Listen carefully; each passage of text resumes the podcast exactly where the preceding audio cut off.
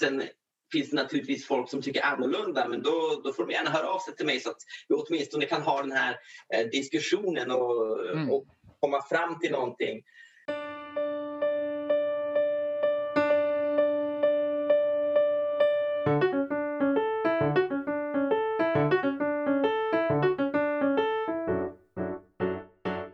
välkomna till Musiklärarpodden.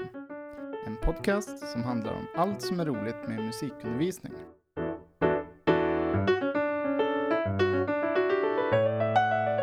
Jag som gör den här podden heter Björn Johansson.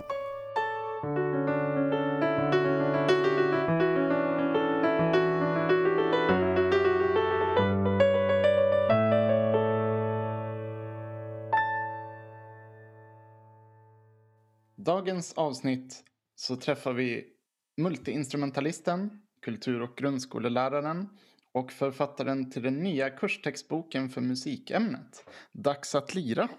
Jag hälsar välkommen Patrik Andersson. Tack så mycket. Trevligt att få vara här.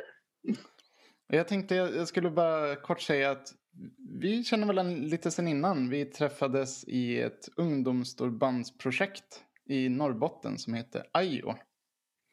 Just det, det, det minns jag mycket väl. hon saknar den att, eh, du kanske har glömt det, men vi träffades faktiskt en gång ännu tidigare. Ett par år innan på ett jazzläger lite som hastigast bara. Du kanske har glömt bort det? Ja, just det. Just det. Men jag, jag, jag tror inte vi pratade så mycket då, eller?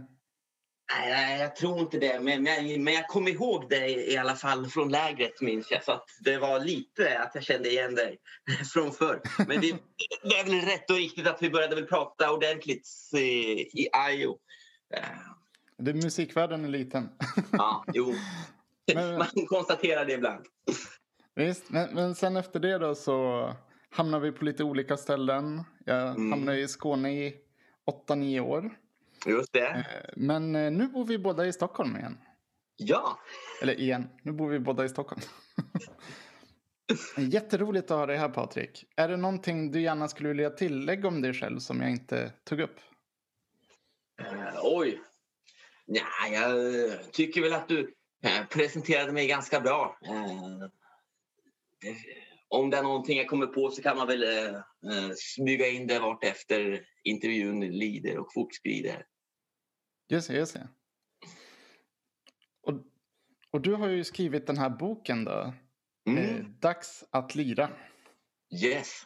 Det är intressant. Skulle du vilja säga någonting om bakgrunden till den här boken? Hur, hur kom tanken på att nu ska jag skriva den här boken? Absolut, det gör jag gärna. Jo, det var ju så att eh, jag är ju eh, blåsare i grunden. Trombonist var det instrument eh, jag började med. Så jag hade ju alltid någon bild av att eh, jag ska jobba på kulturskolan och ha elever med egna instrument som övar mycket och jag ska lära ut massa svåra saker. Och det här med grundskolan, det verkade ju inte så himla roligt så det tänkte jag att nej men det hoppar jag nog över. Eh, men sen av lite slump och av lite omständigheter så blev jag intjatad i grundskolan. Först på en mellanstadieskola och sen på en högstadieskola. Och så började jag märka att ja men det var sjutton, det här är ju fruktansvärt kul. Eh, det är ju naturligtvis en annan typ av undervisning men det var väldigt, det var väldigt stimulerande att få göra någonting nytt och det var väldigt kul att träffa alla alla trevliga elever och det blir en annan dynamik när man har hela klasser och det är nästan som att stå på scenen när man pratar inför klassen eh, jämfört då med att ha elever enskilt eller kanske två och två eller tre och tre. Eh, så att jag fick lite, jag fick lite blodad tand. Och jag märkte ju ganska fort att eh, Uh, jaha, det finns ju inget, det finns inget färdigt material, det finns ingen riktig konsensus om vad man ska undervisa kring. Uh, det var lite att man hoppar in och gör lite som man vill. Så att det var ju bara att sätta sig vid uh, ritbordet och konstruera en massa nytt material. Och så började jag tänka kring, okej, okay, jag måste ha någon form av utgångspunkt, någonting att sikta på. Så att det kunde vara saker som att ja, eh, när de går ut så ska de väl åtminstone känna till de vanliga bandinstrumenten. De ska kunna gå in på Ultimate-gitarr och kolla upp lite enklare ackord och förstå hur man sätter ihop en ensemble och, och spelar enklare poplåtar och lite sånt där. Så att eh, jag började fundera kring okej, okay, vad behöver de kunna först och hur övar vi på det och vad är mest naturligt att lägga till? Eh, och sen eh, började det komma till mer och mer material. Det var ju det ena. Och sen det andra var ju att eh, jag är ju van att ha elever som man lär dem läsa noter, de har ett intresse och de övar. I den här situationen så kan man ju ha en eh, ett väldigt brett spektrum av elever. Eh, de har väldigt olika förutsättningar. De flesta har ju instrument hemma och de, de flesta har inte valt att ha musik frivilligt. Så att eh, det gällde att hitta ett sätt så att så många som möjligt kan tillgodogöra sig. Och det var ju en lite ny utmaning jämfört med kulturskolan. Så mm. det var det här med Eh, att göra saker tydligt. Hur kan jag använda bilder på ett tydligare sätt? Eh, kan jag göra någonting med färger? Kan jag, kan, kan jag lägga till pilar? Hur ska jag kunna förklara det här bättre? Så att eh, då tillkom ju den dimensionen också. Eh, och allt det här gjorde jag i Word. Jag satt och klippte in bilder, skrev text, gjorde duttar och pilar och sånt där. Eh, och sen träffade jag en en person vi tränade på samma ställe och hon pluggade till grafisk designer så att jag frågade bara lite ja men kan inte du eh, snygga upp mitt material lite grann om du får en liten slant så att det blir lite snyggare och att du ritar allting från grunden för jag hade ju kopierat in bilder hej bild från Google och ja det kunde hon tänka sig att göra och sen blev det så att det här blev hennes examensprojekt så att hon hade ju massor av tid att ägna sig åt det här. Så att jag tänkte, ja men då passar jag på och så började jag bomba in och skriva mer och skriva mer och bomba på. Så att eh, det, blev, det blev en hel bok eh, till slut. Och eh, eh den kommer komma ut i början av augusti har förlaget sagt. Så att eh, Eh, det är lite korrekturläsning till eh, både på boken och lärarhandledningen. Men vi planerar väl att släppa den i början av augusti så det är väl där vi står just nu.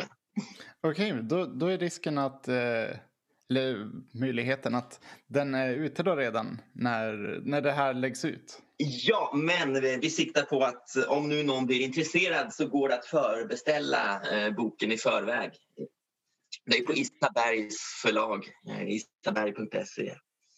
Det låter jättebra. Mm. Okej, okay, spännande. Jag, jag, har lite frågor här om, eh, om åldrar. Mm. Det, det, står inget specifikt eh, när jag ögnar igenom eh, om, om det var tänkt till, är det tänkt till liksom mellanstadiet, högstadiet? Mm, mm, det är en bra fråga. Jag tänker att ungefär mitten av mellanstadiet och sen eh, in i högstadiet eh, är väl ungefär den rekommenderade åldern skulle jag säga. Ehm, det skulle jag säga. Det är lite tidigt med lågstadiet. Jag tänker att, eh, och det är också en intressant sak när vi ändå pratar om det. Jag har märkt att Eh, Eh, de flesta elever på högstadiet, eh, de kommer till mig i sjuan nu, eh, de flesta, det här med tonhöjdsgehör och höra skillnad på dur och moll och sånt där, det sätter de flesta ganska enkelt. Däremot har väldigt många elever fruktansvärt dålig time. De hittar inte pulsen, de känner inte taktarter och de har svårt att räkna och så vidare. och Så vidare. Så att jag, skulle, jag har ju en tanke om att i lågstadiet då behövs det lite mer rytmik och den typen av grejer. Att man går i takt till musik och att man klappar och sånt där. Och sen det här som den här boken behandlar eh, är väl lagom att lägga in i, i mellanstadiet eh, någon gång i, i femman kanske. Just det, just det. det är intressant att du eh, tog upp det med time och tempo. Jag, jag har en anekdot från eh, första lektionen jag skulle ha i högstadiet när jag hade eh, högstadiepraktik mm. min utbildning. Och vi hade varit och askulterat. Och vi hade sett vår eh, handledare då undervisa. Och hon frågade lite, vad vill ni göra för någonting? Så här. Och jag tänkte och kom på ett projekt där vi skulle spela eh, så här, funk. Mm. Man skulle hitta grooves och liksom köra på samma. De skulle få tänka det som pussel med olika rytmer kan blandas. Och jag hade en idé med att man skulle använda förslag och efterslag och liksom tänka till pulsen och efter pulsen och emellan pulsen. Och tänkte, det här kommer bli så bra, det är en genialisk idé. Så lektionen börjar och jag samlar klassen och säger okej, okay, ställ er i en ring så här. Vi, vi börjar att bara hitta ett tempo tillsammans. Så skulle de stampa ett tempo. och där någonstans så föll hela lektionen för, för det gick inte. och, jag hade verkligen inte förutsett det så jag hade ingen idé om hur jag skulle ta det vidare. Ja, nej, ibland, eh, ibland upphör man aldrig att förvånas. åt båda hållen. ibland att, att vissa saker eh, som man själv tycker borde vara så självklara kan vara så svårt för vissa. Och ibland åt andra hållet också. Ibland har man tänkt att det här sätter de nog inte men eh, man, man kan ju bli positivt överraskad ibland också. Jag, jag misstänker att, att, för min del där att man hade gått på musikhögskolan och när vi hade liksom testlektioner med varandra så det, det, jag tror det är svårt att simulera de utmaningar som eleverna har. Liksom, alla där hade ju musikalisk bakgrund och har mm. gjort antagningsprov och allt det där. Så man var ju en liten bubbla då musikaliskt. Absolut, det är skulle, helt klart. Skulle du vilja säga någonting om hur du tänker kring hur arbetar du i boken där med att närma dig puls och takt och så? Ja, absolut. Eh, jag kan prata lite grann och eh, jag har skrivit lite i lärarhandledningen också eh, hur man kan göra. Jo, eh, jag brukar eh, sätta på en låt och så Jo, först så pratar jag om att hur gör musiker för att eh, hålla takten och spela tajt när de spelar. Och så kanske någon vet eller också vet någon inte att man brukar ju stampa med foten. Så att vi ska ju börja stampa med foten. Så att eh, jag sätter på någon låt, helst med en väldigt tydlig kick. Eh, och så säger jag okej, okay, när ni hittar pulsen så stampa pulsen. Eh, och så, då sitter jag ofta i en halvcirkel då, så att jag ser eh, allas fötter. Mm. Och eh, några sätter du direkt och andra har ju jättesvårt. Och det är ju ganska bra i början att få lite koll på okej, okay, vilka, vilka har det här i sig och vilka kommer behöva jobba med det här. Så då gör jag en liten notering i huvudet också eh, hur det ser ut i den nya gruppen. Och eh, eh vissa sätter direkt Andra försöker inte sätta det. Och så finns det de här som det tar jättelång tid innan de börjar. Men jag brukar bara... Jag tittar på allas fötter och så är det någon, är det någon som inte är med och inte stampar så tittar jag lite extra länge på den personens fötter och ser om den kommer igång. Uh, om den vägrar vara med i övningen så kanske jag gör en liten notering utan att säga någonting. Men jag kanske gör en liten notering så att de fattar att uh, okej, okay, uh, det är möjligt att det blir någon konsekvens av det här. Och sen efter ett tag, då hoppar jag själv in och ger rätt puls så att de som fortfarande inte är med uh, har chans att hoppa in. Mm. Uh, så att det är steg ett. Sen pratar lite grann om att det finns något som heter taktart. Man räknar ju musik och oftast så är det ju fyra slag per takt. Det är ju det vanligaste. Och jag nämner också tre takt, men vi börjar med fyrtakt. Och då är syftet att de ska få in den här fyrtakten i ryggraden för att det är ny takt sker ju oftast ackordbytet, vilket jag pratar om lite senare. Då. Eh, kanske mm. inte på samma lektion, eh, men allt bygger på varandra. Så att då gör vi helt enkelt så att eh, vi slår på våra lår med handflatorna på varje etta. En, två, tre, fyra. En, två, tre, fyra. En, två. Så att man får in i kroppen det här med att slå på ettorna. Och det här ska ju sen flyttas över till instrumenten. Att de har det här där, två, tre, fyra och där, två, tre, fyra och där två, tre, fyra. Uh, lägger i ackorden och tonerna. Uh, så att uh, det är någonstans där jag börjar. Och sen kommer jag in på det här med notvärden, att vi kan göra en lång ton på fyra slag, då är det helnoter. Vi kan räkna till två, då är det halvnoter och, och om vi gör på varje stamp, ja, då är det fjärdedelsnoter. Mm. Eh, så det, är väl där det, tar sin, det är väl där det tar sin början och det beror lite grann på gruppen hur pass lätt de har för sig, varför gruppdynamik, är de flitiga eller är de inte flitiga. Eh, då får man ju se eh, hur fort man kan gå vidare och hur länge man måste stampa på samma fläck så att säga. Precis, ja. Spännande. Um, jag tänkte vi kunde komma tillbaka lite till kanske mer om de här kapitlen om metoderna i boken. Absolut. Uh, in, innan det tänkte jag, är din bild av hur man ska använda den här att det ska vara kronologiskt? Ska man börja från början och ta sig liksom längre in i boken? Eller är den mer tänkt som ett uppslagsverk för de delar och de moment som man vill hålla på med? Ja, just det tanken är ju att eh, alltså det är en logisk ordning så att du börjar från början och så betar av varje kapitel eh, till slutet är tanken. Och eh, tanken är också att eleverna i likhet med alla andra ämnen så har ju eleverna varsin bok. Eh, jag har aldrig förstått varför musikämnet alltid ska vara så annorlunda mot alla andra ämnen. Det är väl klart att eh, man har sin kurslitteratur, eh, varje elev och så vidare.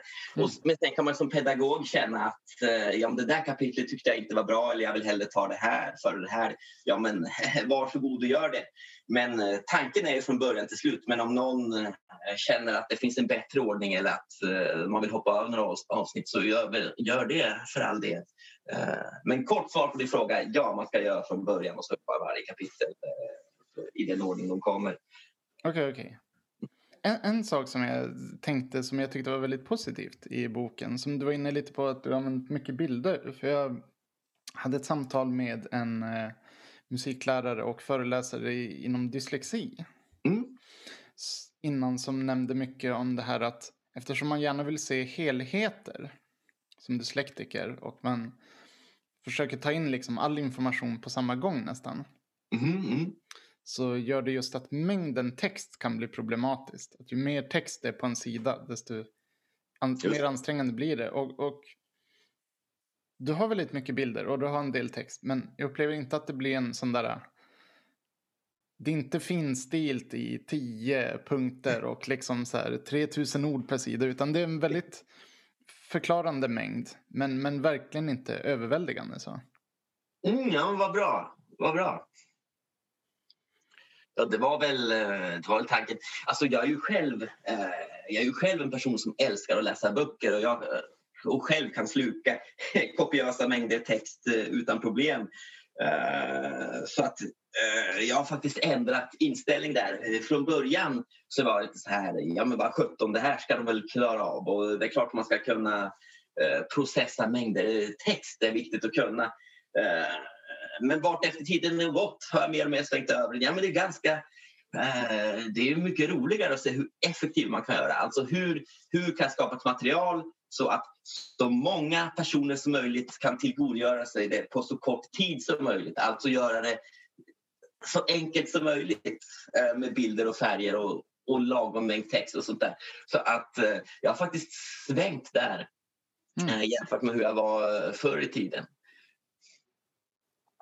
Jag, jag tänkte också ställa en följdfråga. Um, har du någon idé om att ha någon sån här um liksom eh, något stöd med att man ska kunna få det röstuppläsning eller ljudsyntes?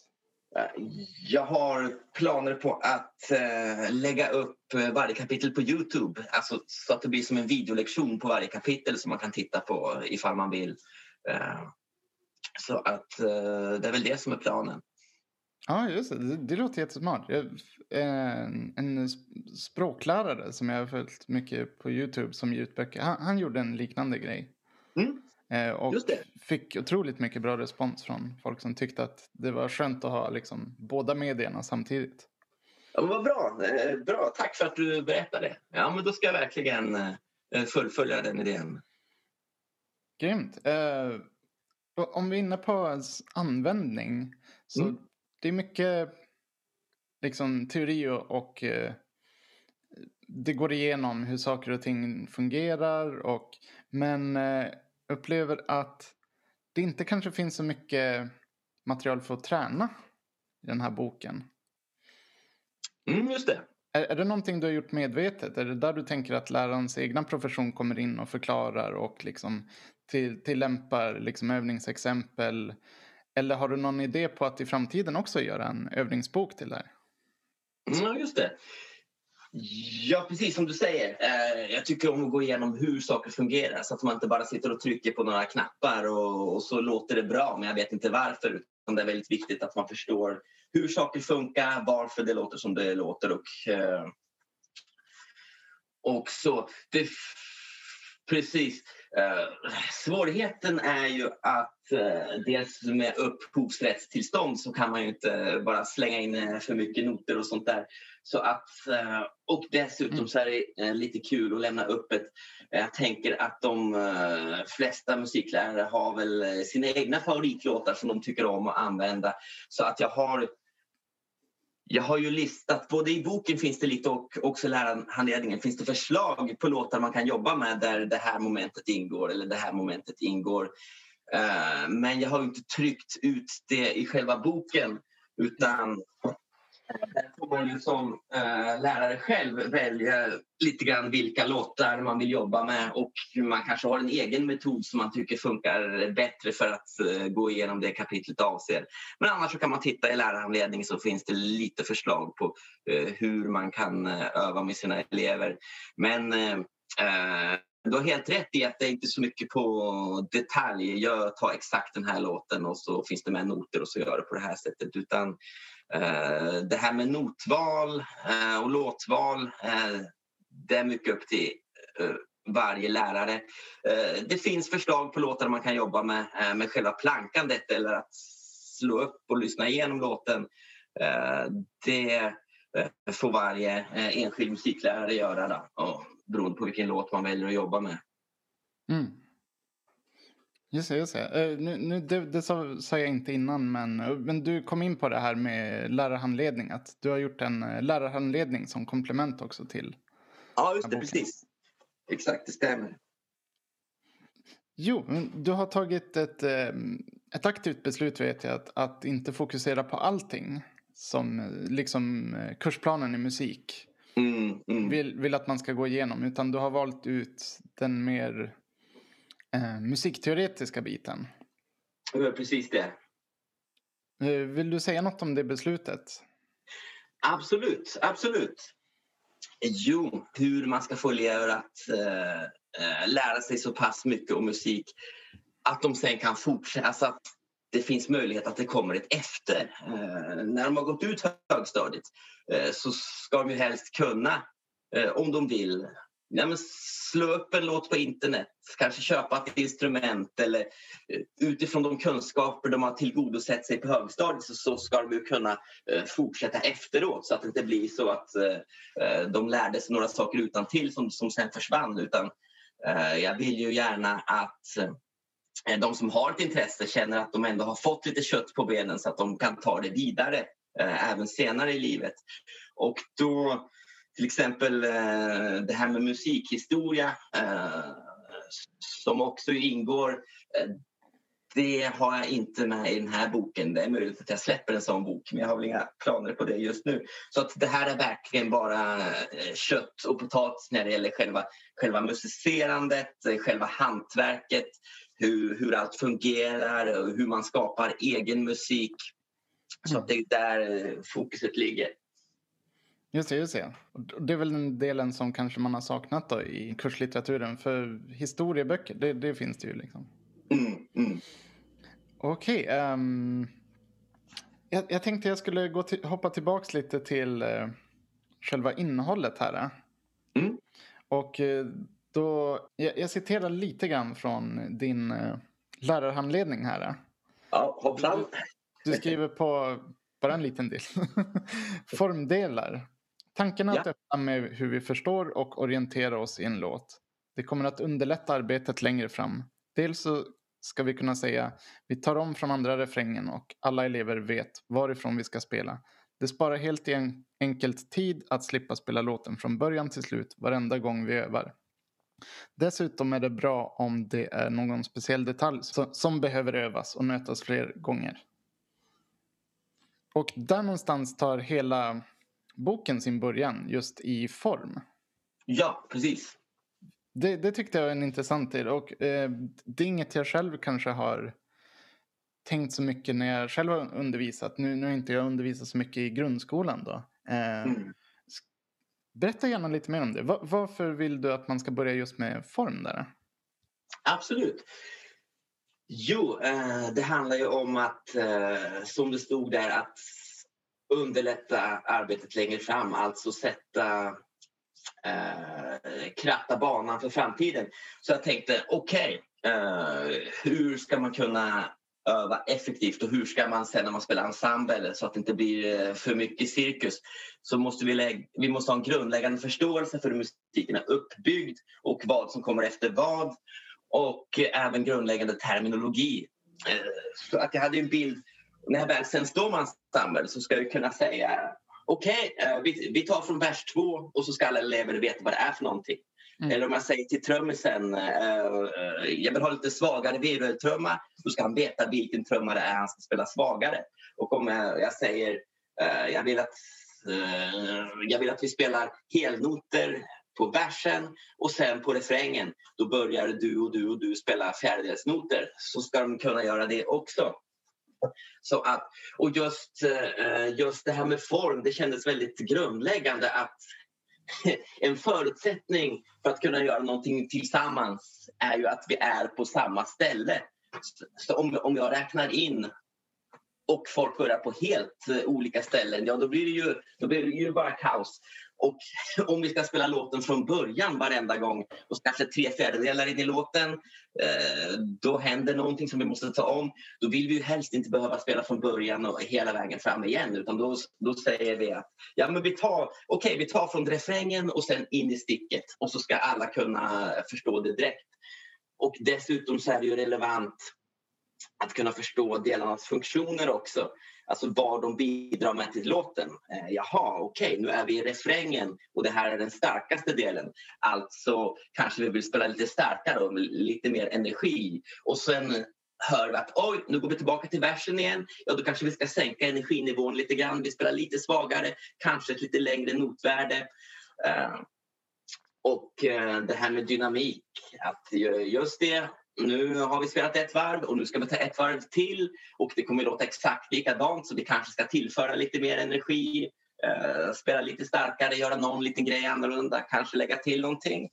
Mm. Bra, och nu maxar vi på refrängen. Okej, okay, efter andra refrängen, nu kommer låtens stick och det är ju syftet med sticket är ju att eh, det ska hända någonting nytt för att låten har gått två varv och det får inte bli för tjatigt. Jaha, hur ska vi spela i sticket för att skapa en kontrast mot refrängen? Och för att det sen ska bli en effekt när vi väl går in på sista refrängen och köttar den eh, ordentligt. Så att eh, det är kombinationen av att eh, okej, okay, vi måste vara på samma ställe om vi ska kunna göra någonting tillsammans och vi måste kunna förstå eh, vad fyller den här delen för funktion och hur, eh, hur ska jag spela för att, eh, för att framhäva det eh, på bästa sätt. Så att eh, återigen, det är mycket jag tycker om att trycka på att vi, vi måste förstå hur saker funkar, vi måste förstå vad det har för syfte och funktion och vi måste förstå hur ska vi då göra för att uppnå de effekter vi vill uppnå. Så att det inte bara blir något eh, randomiserat tryckande på lite knappar som låter bra ibland och sämre ibland. Mm, så du, du börjar med formdelar som vi pratade om där. Sen går du mm. in på taktart, du pratar lite om det också. Mm. Tredje steget, då, då kommer du in på ackordspel. Och yes. där, har du, där har du valt att arbeta efter ackord ur mycket C-durskalan där. Yes. Och du har till och med det här begreppet diatoniska ackord. Mm, just det. Hur, hur, tänker du med alla de här termerna? Tänker du att det är en fördel att verkligen använda de här liksom, kanske mer avancerade musiktermerna redan från början? Mm, just det. Uh, det är väl lite, det är väl lite både och. Alltså risken är, är ju att alltså när man använder termer som är nya så kan ju även i grunden ganska enkla saker låta väldigt krångligt tills man har lärt sig terminologin. Eh, fördelen är att när vi väl kan terminologin eh, så kommer, så kommer ju allting ske så mycket enklare och vi kommer kunna kommunicera så mycket snabbare och få mer saker gjort senare. Men jag brukar väl inte trycka på att, att det här, nu spelar vi diatoniskt och att det är något viktigt ord på något sätt. Mm. Uh, däremot så brukar jag säga att okej, okay, vi, vi kommer spela bara i C och det betyder att vi bara spelar på de vita tangenterna och det är allt ni behöver kunna just nu och så kan vi uh, bygga på lite längre fram. Uh, men just att C är de vita tangenterna är viktigt att komma ihåg sen för att när vi sen går igenom skalor. Ja, C-skalan kommer börja på C. När vi sen ska analysera låtar, ja men då blir ju C är utgångsackordet, alltså romersk siffra 1 eh, och så vidare och så vidare. Så att det här med att vita tangenter är lika med C, eh, det brukar jag trycka på. Sen kanske man inte behöver använda eh, de mest avancerade termerna i början. Mm. Så jag vet själv när jag gick eh, i grundskolan så arbetar vi mycket med det här att man tänker man tar en ton och så 3 plus 4 och 4 plus 3 för att hitta ackorden. Jaha, du, du pratar om halva tonsteg nu? Ja. Ja, just det. Det är en stark motståndare till. För just diatoniska ackord, eh, det använder jag själv mycket i, när jag jobbar på kulturskolan. Tycker det bra. Men jag, jag tänkte jag ska inte prata själv så mycket om varför jag tycker saker är bra. Utan du, du får gärna mm. motivera diatoniska ackord. Var, varför är det bra att börja där? För det öppnar ju inte, det är inte en formel för alla ackord som man skulle kunna spela. Och kanske många låtar och sånt eh, använder sig av andra tonarter. Så om man vill spela till skiva så är du begränsad till C-dur. Mm. Men var, varför tänker du diatoniska ackord i C-dur? Varför vill du börja där just? Exakt. Jo, eh, det stämmer som du säger. Eh, det är inte alla låtar som går att se om man vill spela till skiva och sånt där. Eh, det stämmer, det är en aspekt. Å andra sidan, C är ju den i särklass lättaste tonarten att jobba med rent teoretiskt. Mm. Och när man sen går in Speciellt då på piano då, då det är bara de vita tangenterna och allt annat så kommer ju, kommer ju jämföras mot C-skalan så att det blir väldigt tydligt att jaha, en alterering, ja då blir det ju en svart tangent. En sänkt sjua en svart tangent. Alltså alla svarta tangenter kommer inte ingå i skalan. Så att det blir väldigt tydligt och visuellt eh, just på piano eh, när man jämför mot de vita tangenterna. Eh, sen är det ju så att eh, till exempel eh, på gitarr, rent motoriskt, så är inte C den bästa tonarten att spela i. För du har de här öppna öppna ackorden som går i de här korstonarterna. Men eftersom eh, jag går igenom alla, alla bandinstrumenten och eftersom jag, det kommer en ensembleuppgift sen då man ska spela tillsammans så är det viktigt att alla instrumenten spelar i samma tonart så att man kan spela eh, tillsammans. Mm. Och C enklast teoretiskt och på piano så är det ju ganska enkel också eftersom allt är vitt så att det blir väldigt tydligt som sagt. Sen håller jag med dig om att ibland vill man spela till skiva och sånt där så att då får man väl kanske använda Amazing Slowdown och sånt där. Och eh, eh, jag vet att många, många spelar till eh, låtar när de övar med sina elever. Men jag, jag tycker faktiskt om att spela, alltså att eleverna spelar utan eh, någon bakgrundsmusik. Dels så blir de mer medvetna om eh, hur de låter just nu och dels blir det lättare för mig att höra vad är, eh, eh, vilka kan vara tajta, vilka kan vara otajta, eh, vart sitter problemen någonstans och sen ger det utrymme för eleverna att tänka lite själva. En låt är oftast väldigt välproducerad, man har lite coola syntljud, man kanske har instrument som vi saknar och så vidare. Och så vidare. Så då får vi ställa frågan vad kan vi göra med det vi har och med det vi kan? Och där får eleverna tänka lite själva. Eh, jaha, eh, ja men vi kanske ska spela helnoter på keyboarden med det här ljudet så blir det ganska likt. Eh, men medan basen går lite snabbare, jaha, men om vi spelar helnoter på keyboarden och sen kanske fjärdedelsnoter på basen, eh, kan det vara någonting? Och många låtar, eh, jag har ju valt ut mina favoritlåtar att jobba med såklart. Eh, för att de har någonting, jag kanske tar någon låt som har ett speciellt trumkomp som är så här lagom kul och lagom svårt. Eller jag kanske har en låt som har någon speciell syntslinga eh, som är lagom rolig och lagom svår. Som eleverna känner igen. Så att det finns lite utrymme för Vissa elever kanske det räcker med att lägga eh, lägga helnoter och lägga ackorden. Kanske bara grundtonerna också. Det är kanske inte alla som fixar att ta alla tre toner i ackordet. Medan andra elever eh, kanske lätt spelar ackord med vänster handen plus att de lägger till en syntslinga med höger handen. Så att, återigen, där får man ju hitta sina låtar som man tycker om att jobba med. Jag har ju några som jag jobbar med som jag nämner i boken eh, på grund av olika anledningar. Men för att, eh, för att återknyta lite till din fråga. Då tycker jag helt enkelt eh, jag tycker om att de får tänka till lite mer när de inte har någon hjälp från någon skiva utan eh, vad kan vi göra med, med vad vi har och vad vi mm. kan och hur kan vi få det att låta bättre eller på annorlunda sätt. Eller eh, på vissa låtar så kan man ju säga direkt att ja, okej, okay, så här kommer inte vi kunna låta på grund av vissa anledningar. Men då har vi två lägen. Antingen försöker vi låta så likt som möjligt eller kan vi göra en helt egen version återigen med det vi kan.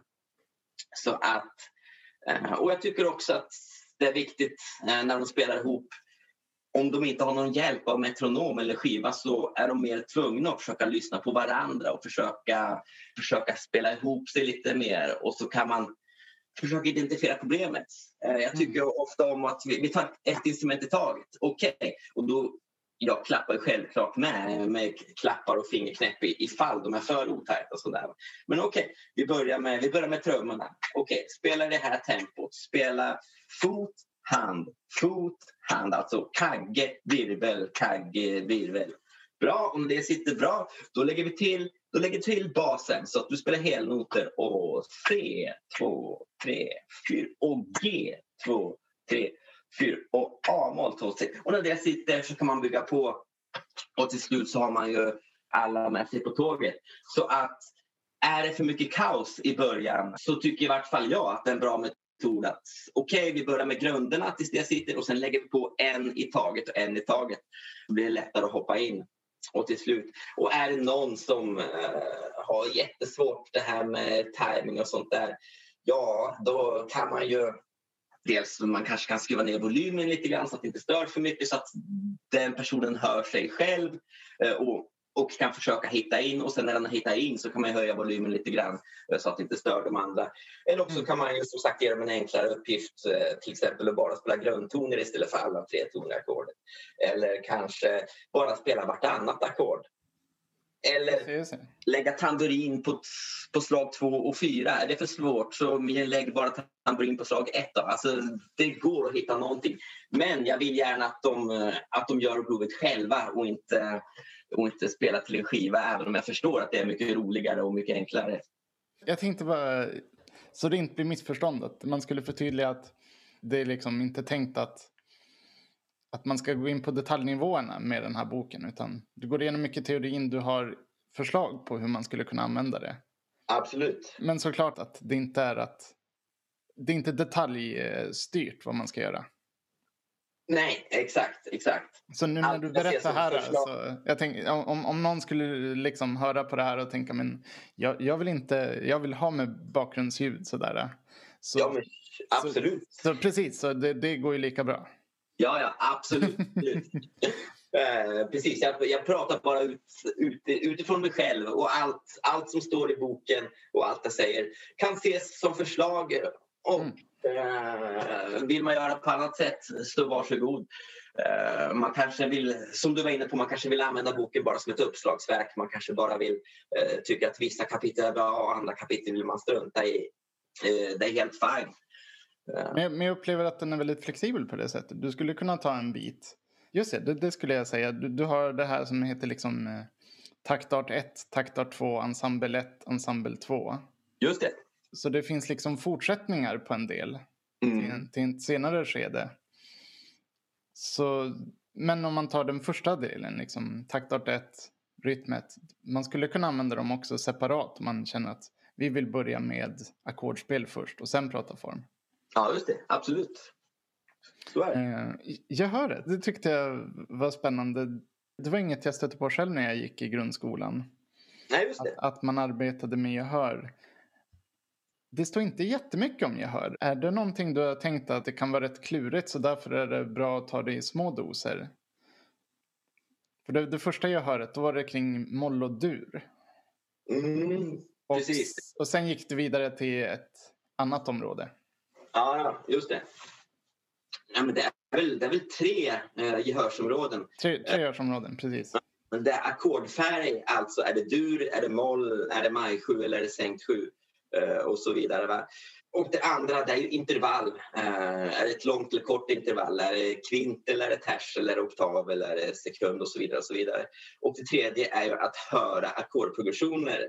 Om vi börjar på 1, gick vi till 5 och sen till 4 eller spelade vi ett, fyra, fem och så vidare. och så vidare. Och det är de tre bitarna, ackordfärg, intervallgehör och eh, ackordprogression, alltså steg, att kunna höra stegen. Och det var väl helt enkelt så att eh, det var väl de, det var väl de tre områdena eh, som jag tyckte var relevant att träna på i syfte att kunna spela popmusik helt enkelt. Det här är ingen avancerad jazzteori utan syftet är som sagt att eleverna själva ska kunna gå in på internet på Ultimate Guitar och kunna ta ut ackord till en låt och förstå hur man sätter ihop och spelar låten. Eller kunna lyssna mm. låt, kanske till och med planka låten själva. Eh, men kan man inte ta ut ackorden så kanske man kan åtminstone lyssna aktivt. Eh, vad händer i trummorna?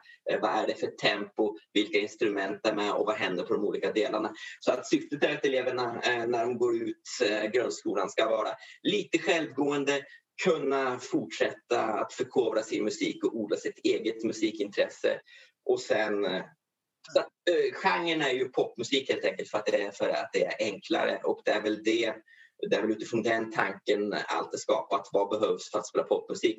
Sen kan man ju alltid göra fortsättningar. Då blir det lite mer avancerat.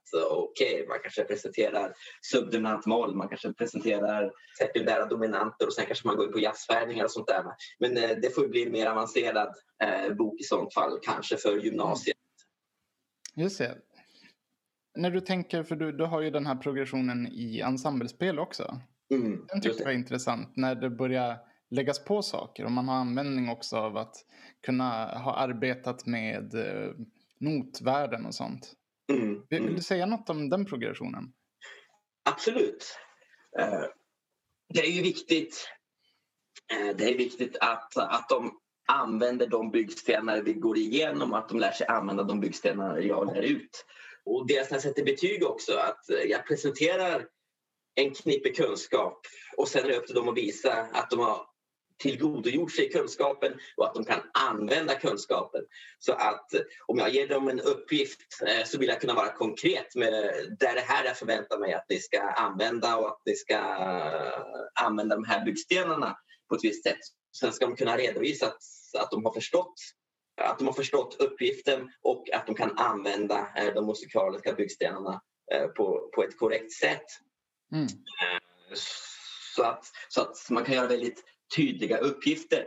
Som vi tar ensemble till exempel. Eh, första, det handlar ju bara om att eh, vi lär oss att hålla takten. Timingen är alltid det viktigaste. Det spelar ingen roll hur mycket svåra ackord vi kan och hur mycket fancy grejer vi kan. Så länge vi inte spelar tight så kommer det inte funka ändå. Utan timingen måste vara på plats.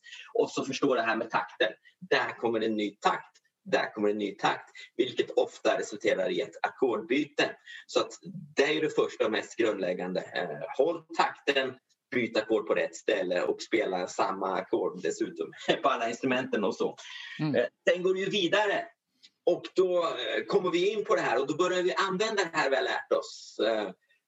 Formdelarnas olika funktion, hur kan vi använda olika notvärden? Så att de tre notvärdena jag har gått igenom är ju helnoter, halvnoter och fjärdedelsnoter. Och då är det naturligtvis det vi ska börja använda. Eh, vi ska inte använda någonting annat utan vi, vi jobbar med det. Vi jobbar med den kunskap jag har presenterat så att, så att de kan visa eh, att de har förstått vad jag säger. Och eh, så ensemble 2, det handlar ju om att nu kan vi spela takt och vi kan ta ett ackord. Hur tar vi det vidare? Jo, nu ska vi börja tänka till kring det här med formdelar och låtens uppbyggnad. Så eh, vilka instrument spelar var? Eh, kanske inte alla ska spela introt. Det kanske räcker med Eh, keyboard i introt eller kanske keyboard och bas. Eh, det är upp till dem att bestämma vad de tycker är snyggt och om de vill göra något helt eget eller om de vill försöka låta likt originalet. Bra, så det, det är den ena dimensionen. Vilka instrument spelar på vilken del? Vart ska vi ha mycket instrument? Vart ska vi ha färre instrument? Och förhoppningsvis eh, eh så för, förstår de flesta att ja, men refrängen var ju starkaste delen så att där ska vi lägga krutet och så på de här lugna delarna kanske man kan skala bort. Så att det är antalet instrument. Eh. Och sen har vi det här med notvärden. Okej, okay, vart ska vi ha långa notvärden och vart ska vi ha snabbare notvärden? Och vilket instrument ska spela vilka? Kanske keyboarden ska fortsätta spela helnoter och basen går över till fjärdedelar. Eller tvärtom. Eh, det har vi också labbat med. Och jag förklarar att snabbare notvärden ger ju mer energi och mer skjuts. Långa notvärden ger ju mindre energi. Så att då har vi det. Mm. Få instrument och långa notvärden, mindre energi. Fler instrument och snabbare notvärden ger mer energi. Och sen eh, det sista eh, som vi pratar om är dynamik. Det här med att spela starkt kontra spela svagt. Eh, spela starkt ger mer energi, spela svagt ger mindre energi. Så då vet vi att okej, okay, vilka delar ska det vara mer energi? Vilka delar ska det vara mindre energi? Och så vet vi vad har vi att jobba med? Jo, det är tre saker. Det är vilka instrument som spelar, eh, det är vilka notvärden vi spelar och det är hur starkt vi spelar. Och så utifrån, eh, utifrån det så, så gör de sin version på låten. Mm. Och då blir det väldigt lätt för mig också att se, okej, okay, eh, har de förstått det här eller har, eller har de inte förstått det här? Och eh, Eh, det blir väldigt tydligt också när man sen ska eh, sätta betyg. Alltså, ju mer sånt här de använder. Alltså, om alla instrument spelar likadant och jämntjockt genom hela låten så är det såklart lägre betyg än om de har tänkt till lite grann och klarar av att eh, ha ett intro med bara keyboard och sen vet basisten där börjar versen så där ska jag börja spela bra. Så när refrängen mm. kommer då vet basisten nu går jag över till fjärdedelsnoten. Klarar de av sådana saker så blir det högre betyg förstås än om man bara spelar hela låten rakt igenom helnoter. Nu kan man inte titta på boken på den här podcasten för att Nej! Det är bara ljud. Men, men jag vill verkligen eh, vad heter det, betona att om man har den här boken så det, det, finns otroligt bra bilder där man kan se tydligt vad som händer. Och det, där det går att få en bra överblick. Det, det tyckte jag var en otrolig styrka. Också mm. det här, du hade en intressant i början där en bild där du liksom hade en formdel och sen en del av formdelen då var det jag tror det var om det var period. Ja, ja alltså formdelen delades upp i, i takt. Och sen blev det takt. Och sen blev det pulsslag. Precis. Just exakt. För, man, kan, man kan se hur alla de där hänger ihop och liksom att det är en del av en större del av en större del tills man har en formdel i en låt. Så. Precis, exakt så. Precis. Eh, så man kan gå åt båda hållen. Antingen börjar man, eh, vi har den här lilla biten som är pulsslaget och fyra pulsslag fyller en takt och sen kanske åtta eller fyra eller sexton takter fyller en formdel och formdelen fyller en hel, sen en hel låt. Eh, så man kan ju titta åt båda hållen, absolut. Det finns mycket i din bok. Så om vi skulle prata om allting här äh, lika mycket som jag pratar nu så kommer vi få sitta till imorgon nästan, höll jag på att säga. Ja, just det. så... ja, det är ingen som orkar höra. Men eh, jag, jag, kan säga lite kort, det går igenom alla de här äh, liksom, bandinstrumenten som du pratar om. Trummor, gitarr, bas, piano, keyboard. Mm. Det har med ackord att göra, hur man hittar dem, med takter, notvärden. Gehöret har vi varit inne på, ensemblespel. Mm. Det, det, finns en eh, andra del här. Du har en i, som är lite blåfärgad. En sida med, i innehållsförteckningen och så går det till en röd sida som är lite när man har kommit lite längre då. Det är där mycket av de här notvärden 2, ensemble 2 kommer in. Mm, mm, mm. Så det är, om man kommer riktigt långt så skulle man kunna komma in på funktionsanalys också. Absolut. Och eh, större ackord med liksom eh, eh sjuor i. Mm. Mm. Du går in på åttondels, triol, underdelning, shuffle. Absolut. Så det finns väldigt mycket i den här boken att hämta. Och för, jag kan tänka mig, för, ibland så är det att vissa elever har kommit långt. Mm. Och de kanske är på en mycket högre nivå än många andra i klassen. Och då, då kan man ju lätt ge dem extra uppgifter att kolla på det här. Alltså, Precis, det, har, det, det är viktigt tycker jag. Eh, många spelar instrument, eller några i alla fall kanske spelar instrument hemma, några går på kulturskolan och kan en hel del. Så att eh, jag har varit noga eh, med att ge utmaning till dem också för att de ska få någon slags stimuli eller lära sig någonting nytt eh, de också. Så att eh, absolut, man kan ju både individanpassa och eh, även köra med helgrupp. Så att det finns ju. Och det är också tanken är att varje elev har ju sin bok precis som alla andra ämnen. Så att om någon elev tycker att första halvan är för enkelt, ja då kan de bläddra själva eh, och studera resten och eh, dubbelkolla med läraren om att de har begripit rätt och sånt där. Så att eh, jag har aldrig varit rädd för att gå igenom baserade saker också för de eleverna. Så att man kan ge någonting både till de starkare och till de svagare eleverna. Ja men absolut, jag, jag tror det är en bra styrka att ha ett liksom att det finns en bra bit till att gå om man känner att det mm. går fort. Så. Absolut. Jag skulle vilja prata lite med dig om eh, just liksom det här konceptet med textböcker och hur det används. Du, du var lite inne på det att det inte att det finns i många ämnen men eh, att man sällan stöter på det i musik. Jag, jag tror faktiskt jag har sett någon kursbok i musik. Mm. Någon gång. Okay.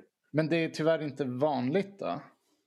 Nej, nej. Um, men jag undrar, har det någonting att göra med, tror du det finns någon slags idé om att det är ett väldigt praktiskt ämne?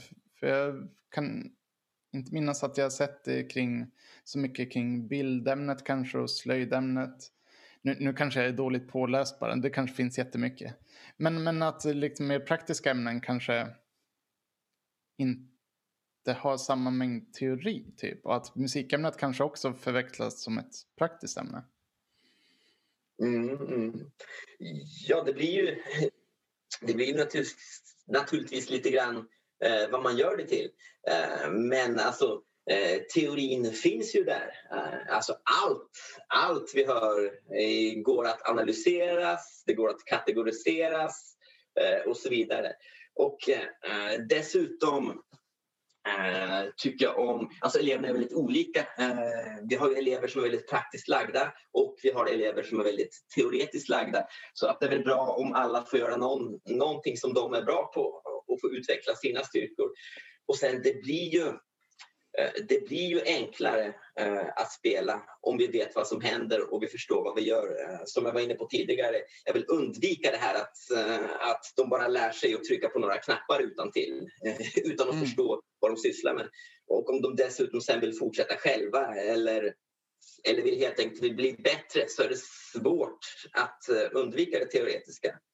Mm. Och sen när vi kommer till det här med bedömning det vet nog de flesta att det är ju väldigt bekvämt att eh, ge ut prov och sen så skriver man ett prov och sen har man en siffra på hur många poäng de fick och så kan man ha det som någon slags eh, ryggrad och luta sig tillbaka eh, emot. Nu är det inte så att jag bara går på prov och sånt när jag bedömningar, absolut inte. Men jag vill trycka på att det är ett, både ett teoretiskt och det är ett praktiskt ämne och hur kan vi omsätta Eh, och det får man inte göra i alla ämnen. Alltså, hur kan vi omsätta de teoretiska kunskaperna vi har lärt oss till praktik eh, för att få en produkt? Hur kan vi hur kan vi ägna oss åt problemlösning, testa praktiskt vad, inte som fun vad, vad funkar inte? Då sätter vi oss och funderar en stund till. Ja, men vi kanske ska göra på det här sättet och så testar vi det så att man kan hoppa fram och tillbaka mellan den här eh, logiska och kreativa tänkandet och det praktiska utförandet och det här med prövandet och omprövandet. Så att, alltså jag anser att mm. båda bitarna är lika viktiga och kompletterar varandra. Och eh, jag tycker det är en fördel att ha ett ämne eh, där man direkt kan omsätta sina idéer och sina kunskaper till praktik och till en produkt. Det är inte, det är inte alla ämnen man kan göra det. Och dessutom har vi här att eh, tänka till, samarbeta, problemlösning. Vi får dessutom utveckla vår, eh, vår finmotorik så att vi kan göra någonting annat än att tappa och swipa eh, med händerna. Eh, jätteviktigt för eh, den motoriska utvecklingen och eh, nervsystemet och hjärnan och allt sånt där. Så att eh, jag anser att båda är lika viktiga. Mm. Vi har två ben vi ska stå på. Sen finns det förmodligen finns det en tradition där man lär ut några ackord och så spelar man några låtar och så är det inte mer med det. Men och det, det här är ju mina åsikter och mina spekulationer. Men musikämnet eh, kan ibland ha någon form av eh, flumstämpel på sig eller att det, är någonting man gör för att vira lite grann från mattelektionen eller nu ska vi ha, gå och ha kul 40 eh, minuter så att vi, så att vi klarar av de tunga ämnena sen. Och det där tycker jag är väldigt tråkigt för jag anser naturligtvis att musik är minst lika viktigt som de andra ämnena och de mer tyngre teoretiska ämnena. Eh, det finns många fördelar med musik, det finns många färdigheter vi utvecklar. Och som sagt, allt i musiken kan teoretiseras, det kan mätas in i minsta detalj. Eh, så att det är ju jätte, det är jättekonkret. Och när jag ändå är inne på det, så det här med betyg, betygssättning. Det här med att okej, okay, en elev ska kunna byta ackord flytande, that's it. Jaha, men hur, hur många ackord ska den kunna ta? Eh, hur svåra ackord ska den ta? Ska det vara några färgningar? Ska det vara i enklare eller svårare tonarter? Eh, ska det vara i något speciellt tempo? Alltså allt det här går att konkretisera in i minsta detalj. Och då kan jag säga till eleven Eh, jag förväntar mig att du ska sätta den här kompfiguren i 130 bpm. Du ska kunna spela den i fyra varv och använda den här fingersättningen. Då får du ett A. Om du, om du sätter den i 80 bpm och klarar av två varv i hyfsat tempo, ja då är det ett D och så vidare. och så vidare. Så att det går ju att göra allting otroligt konkret om man så vill. Och jag tror, att en, jag tror att det är en nödvändighet för att eleverna ska förstå vad det är som förväntas av mig och för att ämnet ska bli lite, lite mindre flummigt kanske och lite mer eh, seriöst eh, och så vidare. Så att eh, nej, jag, jag är en varm anhängare av, av att blanda teori med praktik och verkligen kunna konkretisera och mäta. Vi kommer inte ifrån det här att det, det här vi sysslar med är någon form av bedömning. Så man måste kunna vara tydlig med vad är det jag kommer att bedöma och hur hur ska du göra för att kunna uppnå det och hur gör jag när jag mäter? Och så får vi ett väldigt tydligt resultat. Så kanske det blir lite mindre godtyckligt.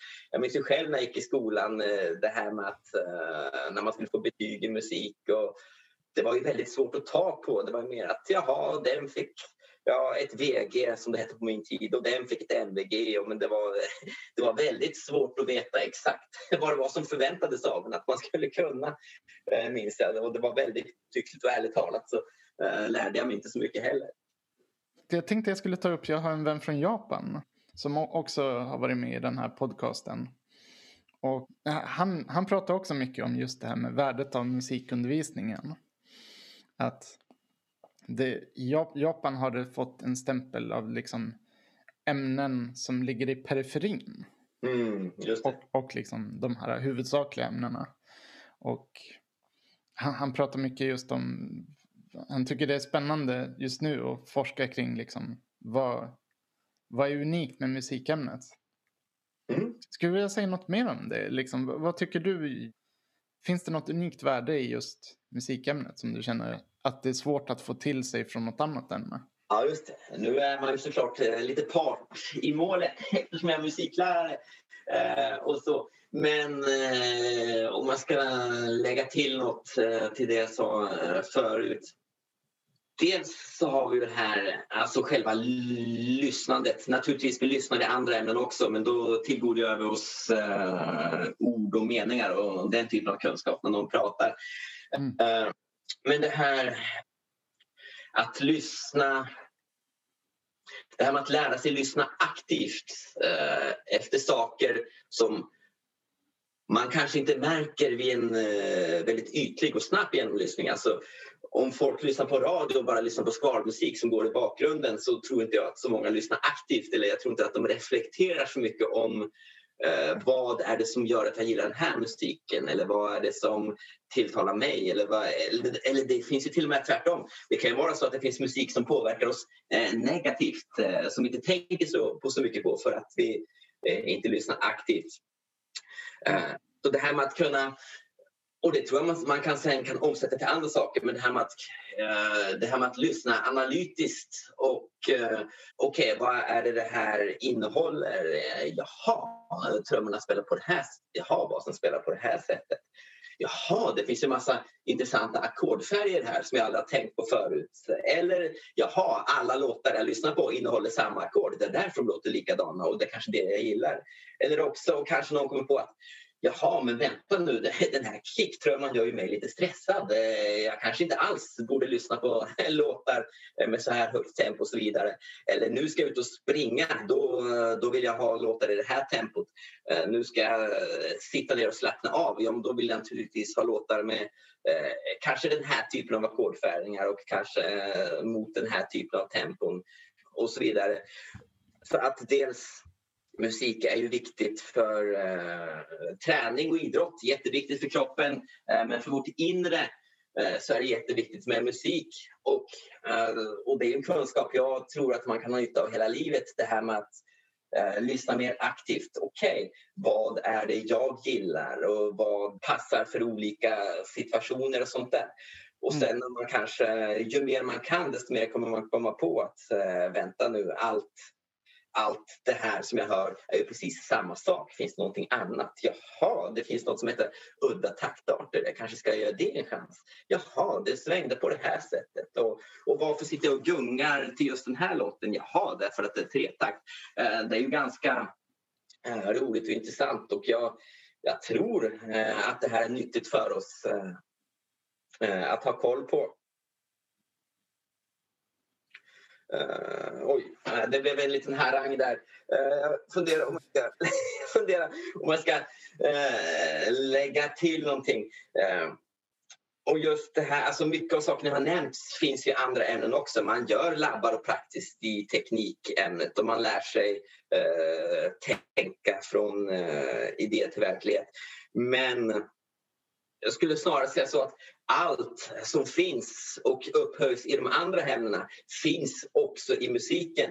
Eh, vi lär oss tänka logiskt, vi lär oss mm. problemlösning, vi måste räkna för att kunna spela, eh, vi lär oss samarbeta, vi får det här sociala, vi får utveckla motorik och göra det här praktiska och göra roliga saker också. Så att eh, Alltså musik kan ju verkligen innehålla allt. Och jag tycker att det, det står sig som ett eget ämne. Eh, jag tycker att det utvecklar allt som, eh, som gör oss till mer eh, förträffliga människor. Jag läste någonstans att eh,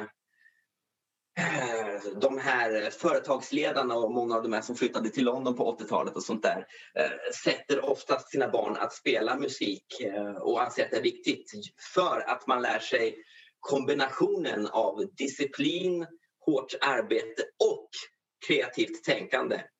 Mm. Just det, att kombinera disciplin och kreativitet är två nyckelegenskaper som efterfrågas väldigt mycket eh, inom många företag. Så att eh, musik har en stor plats att fylla där och det, det är många som har förstått eh, musikens makt och musikens, eh, musikens positiva verkningar även om inte alla har gjort det. Så att det, det budskapet uh, går inte att spridas uh, tydligt. Och just det, just det. Eh, jag tänkte jag ska återgå till min vän där från Japan. Mm. För han kommer ju från en kultur som är kanske motsatsen mot det vi upplever i Sverige då, kring de här kurslitteratur i musikämnet. Mm. Där det är en otroligt dominerande kultur. Att, att kursböcker finns. Just det. det finns, eh, förlagen ska godkännas av staten och sen får de distribueras i ett liksom, eh, län då, kan man tänka mm. sig. Att det motsvarar. Och jag har, han hjälpte mig att skaffa några sådana. Eh, det, det, finns vissa saker som är gemensamt. My, mycket förklarande bilder så. In, inte supertjockt med text.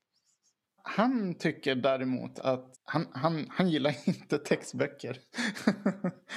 uh, han, han, tycker att, att det lätt begränsar vad musikämnet är. Mm. Men att, att han, han tänker att musikämnet kan vara så många saker. Att, att när de har, för då distribueras de böckerna i kanske en hel region. Liksom. Mm, mm. Då menar han att, att det, då blir det lätt att det är det musikämnet är. Just det. En sak som, för jag tänker här, här är det snarare tvärtom. Då, att, att här finns, du, du sa själv också att nästan alla gör sitt eget material hela tiden. Mm.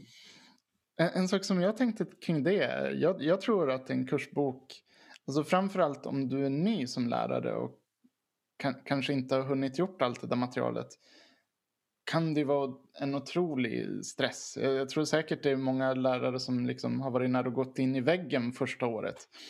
Just mm, för att om, mm. om, säg att du har 1 till 9 så här, då är det nio årsplaner man ska göra med material. Mm. Och liksom ja, nio olika lektioner minst som man ska planera varje vecka. Absolut. Det olika bedömningskrav och så. Mm. så och, och, kanske, för, för, det är inte alla lärare som, som jobbar på grundskolan som har utbildning heller. Nej, just det där tror jag också om man känner det så här, ja men jag kan musik och jag har fått den här anställningen. Men jag är lite osäker hur ska jag förklara det Då tror jag också en, kurs, en kurslitteraturbok kan vara ett jättestarkt stöd. Mm, mm. Säkert. Säkert. Mm. Jag tänkte eh, när du pratade om Japan där. Vi har ju vi har ju det här problemet med att vi ska sätta betyg och dessutom så ska det vara, det ska vara likvärdigt över hela landet. Alltså det ska inte spela någon roll om du går på en skola i Norrbotten eller om du går på en skola mitt i centrala Stockholm. Allt ska vara adekvat och fullt motsvarande och du ska tillgodogöra dig samma kunskap. En sån sak eh, tror jag också blir lättare om det finns någon slags enighet eller att man åtminstone pratar mer konkret om vad det är som ingår i själva ämnet. Just, just nu, eh, nu är det säkert så att de flesta gör nog liknande ändå så att eh, det där är säkert ganska, ganska adekvat. Men eh, som du säger, vissa har gått fem år på Musikhögskolan. Jag hörde talas om någon som har musik som absolut inte vill det och inte vet någonting om musik. Eh, den personen lät sina elever titta på Melodifestivalen och lyssna på och rösta på bidragen. Det, det var mm. musikpersonen. Så att om man ändå, och det tror jag också för när jag pratar med mina kollegor som lär ut tyska eller lär ut matematik och så vidare, och så vidare det finns en otrolig konsensus om exakt vad som lärs ut i exakt vilken årskurs. Det här året lär vi oss bråk, det här året lär vi oss ekvationer, det här mm. året lär vi oss räkna med procent. Alltså det finns någon långvarig slags tradition där allting är väldigt konkret och exakt vad man gör i varje år. Eh, och i ett sånt läge så är det ju det blir ju mer adekvat över hela landet då. Det blir ju mer, eh, och vad heter det här ordet eh, som alla pratar om? Eh, ah, strunt samma. Nu tappar jag ordet jag sökte. Eh, det kanske eh, kommer tillbaka om en stund. Det är inte likriktat men det är någonting annat. Eh, strunt samma. Eh, I musik upplever jag att den här traditionen finns inte. Så att vi pratar väldigt lite konkret om vad som händer i varje år och vad det är som förväntas att eleverna ska kunna och hur vi ska mäta det. Eh, och jag tror, om jag får spekulera lite grann, alltså jag tror att det skulle kunna höja ämnets status lite grann och ta bort lite av den här eh, flumstämpeln som vissa upplever att ämnet har om vi kunde bli bättre på att eh, konkretisera vad det är som görs varje år och hur vi mäter av det och eh, när eleverna kommer från olika skolor, om de har gått på olika mellanstadieskolor eller om de har gått på olika högstadieskolor och sen hamnar på samma gymnasium och så vidare, eh, att de har gjort liknande saker. Eh, nu kan det ju vara så att elever som kommer från olika skolor har gjort helt olika saker och kan helt olika grejer. Så där är det ju inte riktigt i andra ämnen där man har en längre tradition av att eh, vara mer tydlig med vad som ska gås igenom vilket år och hur det ska mätas. Ja. Eller som på språk, det här året pratar vi om pronomen och det här året pratar vi om satsdelar och det här pratar vi om hur vi böjer verb och så vidare. Och så vidare. Det finns ju inte riktigt eh, i musik eh, på samma sätt och det är väl någonting som jag personligen gärna efterlyser att vi kan bli bättre på. Eh, dels för att höja ämnets status och dels för att eh, eh, jag tror att det blir bättre sen eh, när de hamnar i samma skola om de har liknande, om lärarna har gått igenom liknande saker. Eh, nu på högstadiet kan det vara väldigt olika beroende på vilken skola eleverna har gått, vad de gått igenom och hur mycket de kan och hur bra de är på att spela och så vidare. Och så vidare. Eh, så att där tror jag att vi eh, borde bli bättre på att eh, prata ihop oss och konkretisera. Och det här får man väl se som mitt förslag till eh, vad man kan gå igenom. Sen finns det naturligtvis folk som tycker annorlunda men då, då får de gärna höra av sig till mig så att vi åtminstone kan ha den här eh, diskussionen och, mm. och komma fram till någonting. Och sen, eh, det var någonting mer. Så du ser det mer som ett samarbete än, än att liksom eh, den metoden, ja, är bäst, den metoden är bäst utan att... att... Nej, nej, nej, precis. Att vi åtminstone startar diskussionen och startar debatten och börjar eh, prata lite mer om, om de här sakerna. Ja. Sen är det ju så också att, eh, och det stör mig också, om eh, om vi tar matematiken till exempel, om någon, om någon får ett glädjebetyg i nian eh, så märks det ju direkt på gymnasiet att oj då, den här har inte alls de kunskapskraven som, som betyget säger för att det, det, märks ju direkt för att det finns en annan tydlighet där. Men om man ger ut ett glädjebetyg i musik eller ger ut lite godtyckliga betyg i musik Oftast så är det ingen som kommer ifrågasätta det, det är ingen som kommer kolla det, det är ingen som kommer märka det. Så Mm.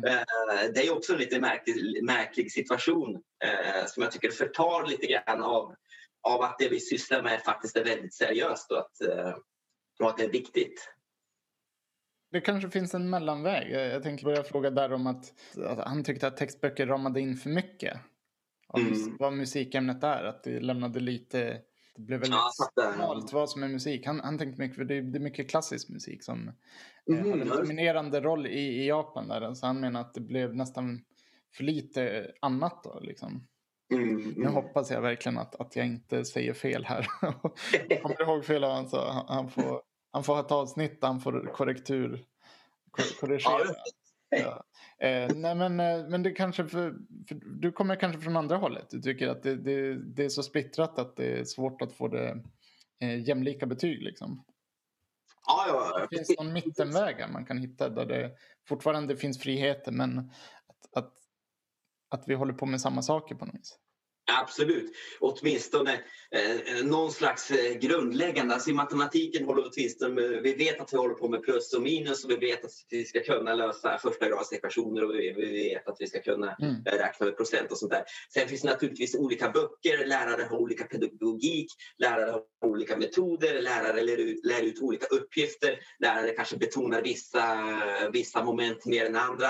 Men att åtminstone det finns någonting Eh, konkret eh, som vi faktiskt ska ha gått igenom och som vi faktiskt ska kunna mäta och sätta betyg på.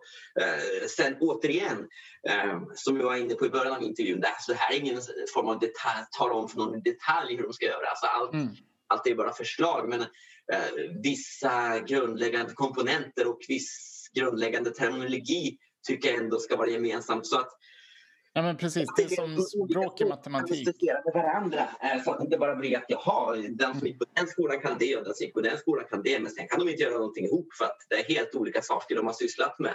Men skulle man kunna jämföra med, liksom, om vi tar en mattebok då, så, här, eh, så det som är liksom gångertabellerna och bråk och att man går igenom addition, subtraktion, multiplikation översatt till musiken. Liksom. Du, du förklarar byggstenarna.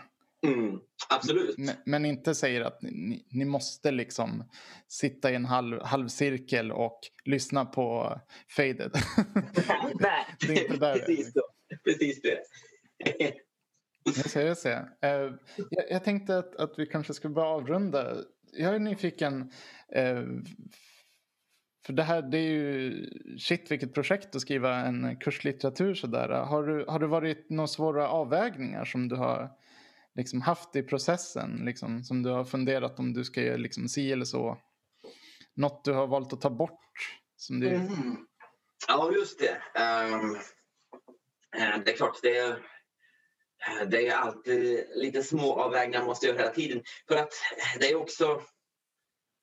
Alltså allt som står i boken är ju sant, men det är ju inte alltid sant. Alltså, beroende på musikstil eh, så finns det ju, det är inte alla låtar som är byggda efter vers och refräng och bygg och stick. Det finns ju hur mycket musik som helst som är uppbyggda till andra saker. Så att det är någonstans att koka ner till okej, okay, vad är vanligast inom mainstream-musik? Mainstream musik och där får man vara lite tydlig med att nu håller vi oss inom det, ramen för det vad som är mest vanligt, vad som är mest gängse praxis och vad som är mest konventionellt.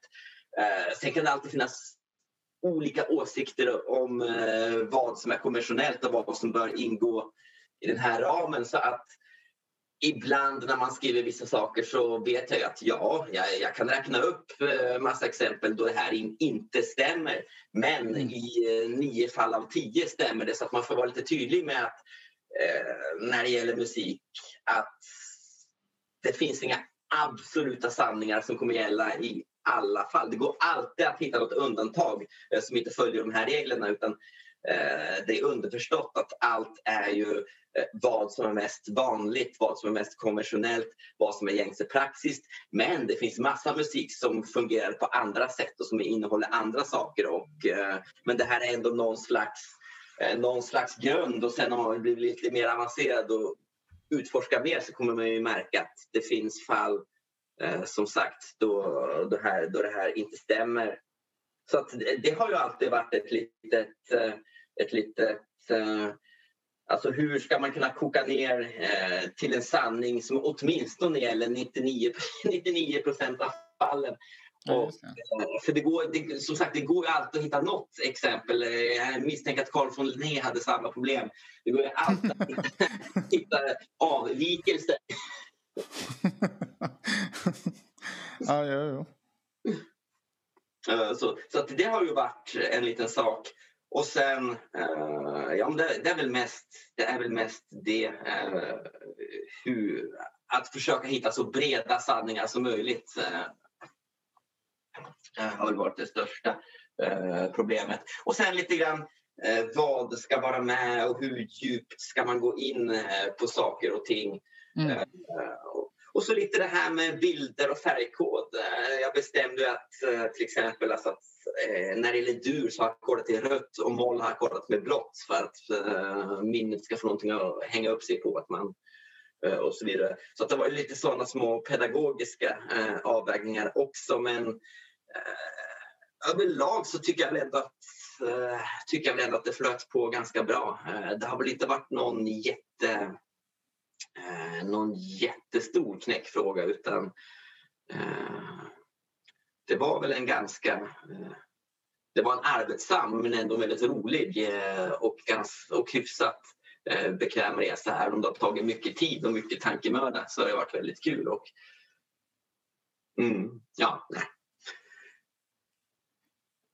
Just det, just det. Mm. Um, är, är det någonting som vi inte har sagt som, eller någonting som du gärna skulle vilja tillägga till, mm. till det här?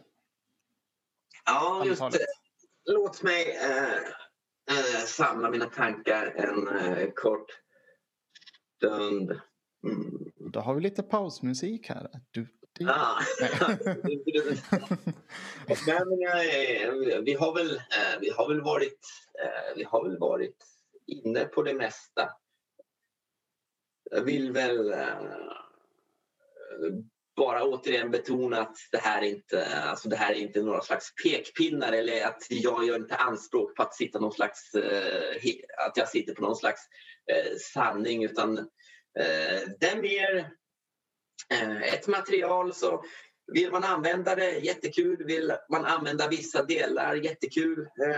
man kan göra det på sitt sätt men det är ändå någon slags ryggrad eller uppslagsverk man kan lusta tillbaka mot. Jo, Eh, jag vill väl prata också om det här med digitalt kontra bok som medium har vi inte varit inne på. Just, just det. På skolan där jag jobbar kör vi mycket med Google Classroom. Så att jag, alltså jag lägger upp massa pdf i Google Classroom och det är ju noga med att i alla ämnen så ska det vara samma struktur i Classroom för att det ska bli tydligt. Eh, men ändå så märker jag att de flesta elever gillar inte Classroom och de har väldigt svårt för att gå in på Classroom, öppna ett flik, öppna ett dokument och där hittar vi informationen. Eh, mm. De, de, flesta verkar ändå föredra att ha en fysisk bok och då kan jag säga att eh, framförallt om man missar en lektion eller i början av lektionen. Idag ska vi prata om det som står på sida 22 till 27. Eh, och så kan jag säga att eh, vi ska ha, vi ska ha ett skriftligt prov och det ni ska kunna står på sida 58 till 63 och så vidare. Och så vidare. Så att där man att ha en fysisk bok att bläddra i och kunna säga vilka sidor man ska läsa på. Framförallt om man missar en lektion eller om man ska läsa på inför prov eller om man vill förkovra sig lite extra och behöver dubbelkolla någonting. Eh, så i alla fall min och många andras erfarenhet och åsikt att eh, boken Eh, boken står sig fortfarande starkast. Sen eh, älskar jag att använda digitala saker som komplement. Eh, man, kan, man kan spela in filmer som sagt. Eh, det, och det finns ju såna här webbsidor, musictheater.net och sådana sidor där man kan gå in och testa sina kunskaper. Man kan testa om man hör skillnad på ackord. Jag brukar länka till den i mitt klassrum där de kan gå in. Det kommer en klaviatur och så kommer det en dutt på en tangent och så ska de säga vilken ton det är till exempel. Och det finns väl liknande mm. Så det finns ju massa digitala saker saker man kan använda. Eh, men jag ser det mer som komplement, alltså själva ryggraden eh, tycker jag ändå blir bäst om man utgår från fysisk litteratur där eleverna har varsin bok de kan bläddra i och veta vilka sidor de ska kunna. Och sen så kan man gå in med lite roliga digitala saker eh, vid sidan om. Det finns ju Sokrativ och sådana saker också som är roliga att använda. Så att eh, jag vill trycka eh, på boken eh, som medium framför... Eh, det är mycket prat om digitalisering nu men eh, jag anser att boken fortfarande står sig väl eh, efter några hundra år. Det, det, är någonting, det, det, är lättare för ögonen också att läsa från ett blad än från en eh, skärm med ljus också. Absolut. Det, jag tror det finns andra fördelar också. Ja, jag, jag håller med dig där. Det är helt rätt. Eh, det, det, var en sak jag kom på nu som jag tänkte om boken. Eh, att melodispel är någonting som jag kände, det, det, det står mycket om ackordspel där mm. och spel i ensemble. Eh, men det är också en grej att man ska kunna följa och liksom följa en melodi och, med, med, och liksom hitta tonhöjd och sådär. Mm. Och, eh, är det någonting du har, tänker du att, att man gör det liksom med sångrösten då och inte på instrumenten? Ja, just det. Eh, det brukar lösa, alltså jag eh, spelar in videos som jag gör ut på Classroom med olika uppgifter. Det kan vara, det kan vara till exempel alltså hur man spelar introt på faded och lägger ackord till. Eller det kan vara eh, uh, något speciellt trumkomp som man visar och filmar in. Så att, eh, den typen av uppgifter med mer avancerade trumkomp och mer avancerat melodilspel, uh, det brukar jag spela in på video. För problematiken är ju att jag har förvisso i boken vi går igenom noterna, alltså rent metriskt, hur mycket de är värda rytmiskt. Och målet med boken är att man ska kunna skriva ut i noter ska man kunna skriva ut en rytm som de sen ska kunna lägga som komp, en ackordrytm. Mm. Att de ska lära bam, bam, bam, bam, bam, bam eller vad de nu ska spela på, på keyboard här. Att de ska kunna läsa av noten metriskt.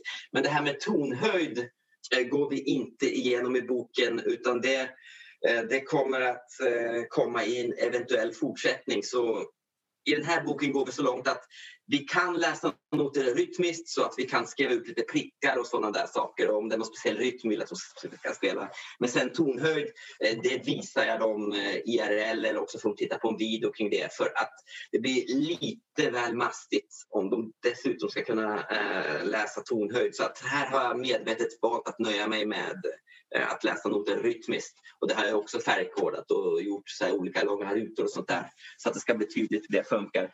Mm. Så att kan vi skriva ut en komprytm och sätter den eh, så räcker det så länge. Det här med tonhöjd och vart noterna sitter det kommer i en, i en fortsättning. Så att eh, men du, vi kan prata. Jag har en punkt här. Planen för framtiden som jag gärna skulle vilja. Hur, hur mm. Vad har du funderat framöver? Ska du, du ville göra någon eh, fortsättning på den här boken? Du pratar om att göra videor. Absolut, absolut. Eh, planen är att ha en Youtube-kanal där jag spelar in alla lektioner, eh, varje kapitel för sig. Så om man har missat någon lektion eh, eller om man behöver ett förtydligande eller tycker att det är jobbigt att läsa och titta på bilder så kan man gå in och titta på videon så finns det som komplement ifall man behöver det. Jag har också planer på en fortsättning så att vi fortsätter i samma stil och samma tema och bygger vidare helt enkelt. Så att dels det här med att prata om tonhöjd, hur noter funkar i tonhöjd och inte bara rytmiskt. Dels, och dels börja lämna det här med diatoniska, så vi spelar ju bara diatonisk musik nu och vi pratar om att de vanligaste ackorden är 1, 1, 4, 5 och 6 och där har vi de flesta poplåtar. Och om, ibland har man tur att föra två och tre också. Men att man kan gå in lite på andra vanliga saker som eh, eh, Eh, subdominant moll hör vi ju en del poplåtar från lite Disney-låtar så det behöver förklaras. Prata lite mm. grann om tersbas kanske, eh, subdominant och subdominant. Alltså, så att man går in på fortfarande väldigt slikt, fortfarande väldigt konventionellt, fortfarande lättillgängligt men lite mer avancerat. Eh, så att fortsättningen blir väl mer åt avancerad pop om man ska säga så. Och sen kanske eventuellt en tredje bok då, då det blir den här avancerade jazzgrejen. Men så att åtminstone en bok till planerar jag att skriva och så får vi se om de vill ge ut den. Så men, eh, men med avancerad jazz, är det också för liksom, grundskolan eller tänker du att de här ska kunna användas? Det, får ju bli, det, det tror inte jag att någon hinner så att det får ju bli för kulturskolan eller musikgymnasiet. Eh, i sånt fall. Eller studiecirklar med musiklinje och så vidare. Så att det är lite högre upp. eh, Just det, just det. Eh, däremot eh, den här fortsättningen med avancer- lite mer avancerad pop eh, det tror jag absolut man kan mäkta med på högstadiet. I alla fall om man har någon musikklasser eller åtminstone har musik två gånger i veckan. Det är också ett aber i vårt ämne att oftast har vi det en gång i veckan och sen när det är lov eller någon elev är sjuk kanske så då har det gått tre veckor till nästa gång och då har de glömt allt vi gick igenom jämfört med ämnen eh, där man får träffa dem tre gånger i veckan och verkligen eh, kan åstadkomma saker. Ja, ja, ja. Så att eh, det hade jag också. Fick man bara ha dem två gånger i veckan och- så att saker kunde få sätta sig och ta ett extra varv så tror jag att det hade blivit otroligt mycket bättre resultat och högre kvalitet. Då tror jag ett, en lektion plus en lektion hade varit värd tre lektioner minst. Mm. Mm. Du, du nämnde att, att du gärna eh, vill ha feedback också från eh, de som eh, kö- köper den här boken eller som har tankar och idéer på vad de skulle vilja liksom, ha, ha med i boken. Va, var skulle man kunna kontakta dig? Är det genom ditt förlag eller? P- precis. Äh, den typen av frågor äh, kan man nog höra av sig direkt till mig. Äh, då kan man ju mejla mig på min gmail. Som jag nu känner, det känns jättecringe att säga den för att den, är lite, den är lite högtravande i sin karaktär. Eh, jag, alltså, jag, vill, jag, vill, jag vill betona att jag är en mycket ödmjuk person som inte vill komma med pekpinnar. Men i alla fall, har man, har man några synpunkter på boken eller vill, eller vill ställa frågor eller man kanske inte alls eh, håller med mig och vill eh, läxa Är det pekpinnepodden.gmail? Det är patrik.musikexpert.gmail.com